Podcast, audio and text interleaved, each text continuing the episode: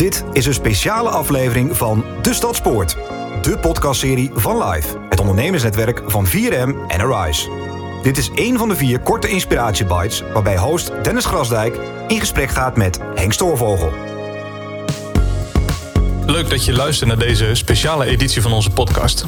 Deze maand staat in het teken van leiderschap vanuit de oorsprong. Henk Stoorvogel neemt ons mee in het oerverhaal over leiderschap.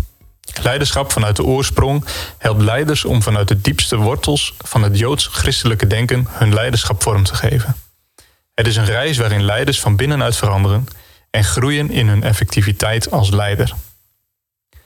Deze reis doorlopen we in vier weken, met iedere week een ander inspirerend inzicht over leiderschap. En je kunt deze reis ook beleven in het derde weekend van september op Vlieland. Kijk hiervoor voor meer info op 4m.nl/live.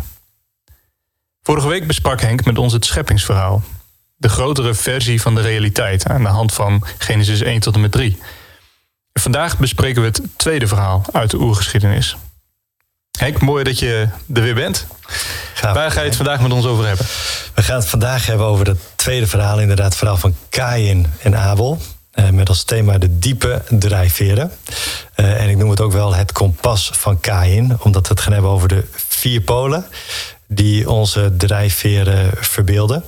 En die we mogen herijken om op een zuivere manier door het leven te gaan. Mooi, ik uh, ben benieuwd. Als we kijken naar het tweede verhaal uit de oergeschiedenis, Kain en Abel, dan is daar één vraag die ik leiders vaak stel. Uh, en dat is een vraag die ze dan niet snel verwachten. Die ook wel echt wat denkwerk vraagt, maar dat ik dan zeg voor hoeveel Kain zit er in jou? Uh, en misschien is Kai niet de persoon met wie we ons van nature zouden identificeren. Maar toch denk ik dat we hele belangrijke lessen kunnen leren vanuit zijn geschiedenis uit Genesis 4. Als we daar kijken naar het verhaal. Uh, het verhaal van Kain, het uh, offer dat niet wordt aangenomen. Hij maakt zijn broer dood, hij wordt weggestuurd door God. Een paar lessen die we daaruit trekken over dat kompas en onze diepste drijfveren. Het eerste wat we daar zien is dat Kain uit verbinding met God treedt. Uh, de eerste vraag uit de geschiedenis van de mensheid, die hebben we in de eerste podcast behandeld. Het is: mens, waar ben je? In dit verhaal zien we eigenlijk de tweede grote vraag uit de geschiedenis van de mensheid. En dat is een waarom-vraag. Uh, God heeft het offer van Kain afgewezen, dat van Abel aangenomen. En dan klinkt daar opnieuw zo'n vraag: Kain, waarom kijk je zo donker? Waarom ben je zo boos? Het is een grote vraag die ons drijft tot de kern van ons wezen, de waarom-vragen van God. En wat doet Kain?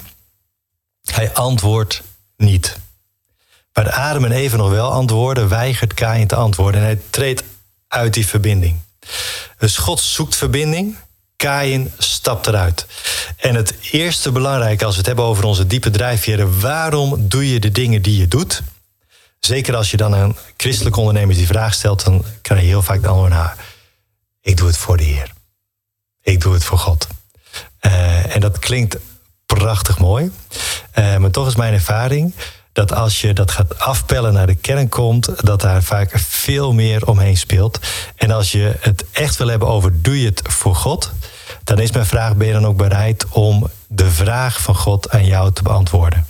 En ik geloof dat elke leider die waarom-vraag van God heeft te beantwoorden. En dat is een waarom-vraag die gaat over jouw diepste zijn.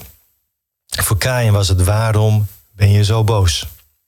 Nou, ik heb veel leiders meegemaakt. En dat zou je van de buitenkant niet zeggen, maar dat is ook precies de vraag die zij moeten beantwoorden. Waarom ben je ten diepste zo boos of teleurgesteld? Waar vind je dat het leven oneerlijk is geweest tegenover jou? Waarom handel je kijk je zoals je kijkt.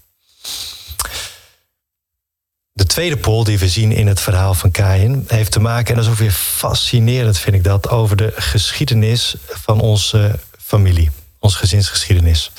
Uh, we zien hier voor het eerst de strijd tussen broers. Uh, Abels offer aangenomen, dat van Kain niet. En het is een beetje onduidelijk waarom dat van Abel wel en van Kain niet. En sommigen zeggen, ja nee, het offer van Abel werd aangenomen, want hij bracht het beste van uh, wat hij had. Maar ja, anderen zeggen weer, nee, maar Kain was de eerste.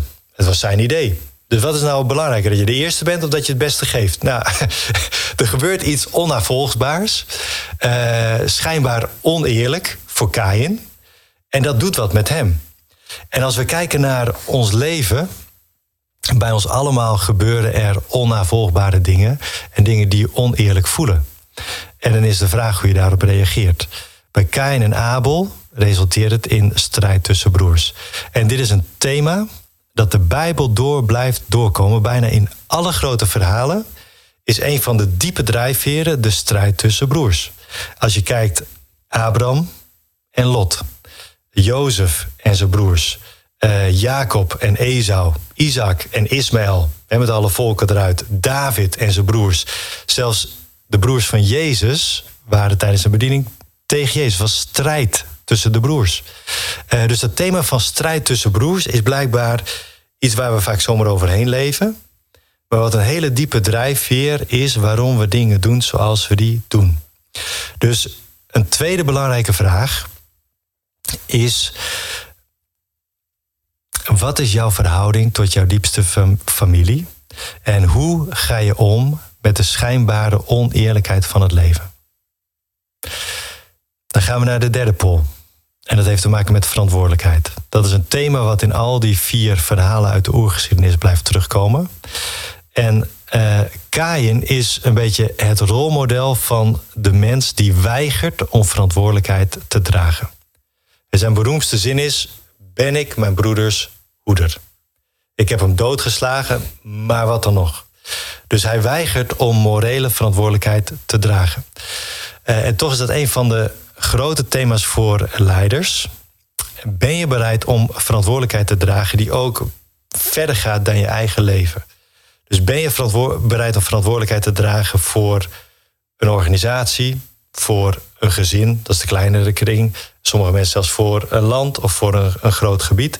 Ben je bereid om staande te blijven voor zaken die misschien niet per se de jouwe zijn, maar God zoekt mensen die in partnerschap met hem verantwoordelijkheid willen dragen. En als je leiders vraagt, is dat vaak ook een van hun drijfveren. Ja, ik wil verantwoordelijkheid dragen. Waarom?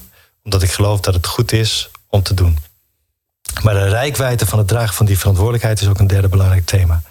En dan komen we bij het vierde.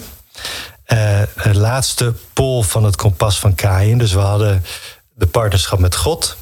We hadden de strijd tussen broers met de oneerlijkheid van het leven. We hebben het dragen van verantwoordelijkheid.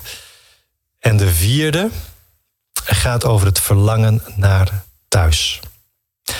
En bij veel van de leiders die ik heb meegemaakt, is dit uiteindelijk hun diepste drijfveer: dat ze verlangen naar de plek waar ze thuis zijn. En er is een refrein in dat vierde verhaal, een zin die een paar keer terugkomt. En dat is Kain, de doler, en de dwaler. Dat is zijn lot. Dat hij nergens thuis is. Dat hij doolt en dwaalt over de aarde. En dan staat er: En Kain bouwde een stad. Dus de eerste stad in de geschiedenis van de mensheid werd gebouwd door de eerste moordenaar van de mensen. Dat geeft al iets aan over hoe God kijkt naar de dynamiek van steden. Um, maar Kain bouwt een stad omdat hij verlangt naar thuis. Hij is een doler en een dwaler die nergens thuis is. Dus wat doet hij? Hij bouwt een stad. Vanuit zijn eenzaamheid. In een verlangen om ergens bij te kunnen horen. En wat ik vaak heb meegemaakt op de meest intieme momenten met uh, veel van de grootste leiders of ook hele gewone leiders die ik heb meegemaakt, is het dit thema. Vanuit mijn existentiële eenzaamheid bouw ik de mooiste organisatie, het mooiste bedrijf, de mooiste kerk, eh, omdat ik verlang naar een thuis. Eh, en als leiders dat niet doorhebben, dan kun je zelf verliezen in het bouwen van zo'n stad, om uiteindelijk tot de conclusie te komen dat jij zelf nog steeds eenzaam bent en eindigt je leven in desillusie. Dus deze vier polen van de diepste drijfveren, dit gaat echt op de vrouw, dit gaat echt op de man, maar dit is essentieel om diep door te werken, om te komen tot een zuiver geëikt kompas. Of vanuit vrede en vreugde je leiderschap vorm te kunnen geven. Mooi. Kun je, ze, kun je ze alle vier nog eens kort noemen? Dus de eerste poll is partnerschap met God. Uh, doe je de dingen voor God of voor jezelf? Nou, ga dan maar eens. Uh, welke waarom-vraag moet jij beantwoorden? De tweede poll is de strijd tussen broers. En hoe ga je om met de schijnbare oneerlijkheid van het leven? De derde poll is die van verantwoordelijkheid. Ben je bereid verantwoordelijkheid te dragen die breder gaat dan jijzelf? En de laatste poll is het verlangen naar thuis. Waarom bouw jij mee aan jouw stad? Mooi, dankjewel. Waar wil je ons volgende week in meenemen? Volgende week gaan wij naar uh, een van de grote verhalen uit de oergeschiedenis, het verhaal van Noach. En gaan we kijken hoe goed of iets minder goed hij nou echt was. Ik ben benieuwd. Dit was de tweede special over leiderschap vanuit de oorsprong. Wil je meer weten over het onderwerp, het live netwerk of het trainingsweekend in het derde weekend van september? Ga dan naar 4m.nl/slash live. Dit was een speciale aflevering van De Stadspoort, de podcastserie van Live, het ondernemersnetwerk van 4M en Arise. Dit was een van de vier korte inspiratiebites waarbij host Dennis Grasdijk in gesprek was met Henk Stoorvogel.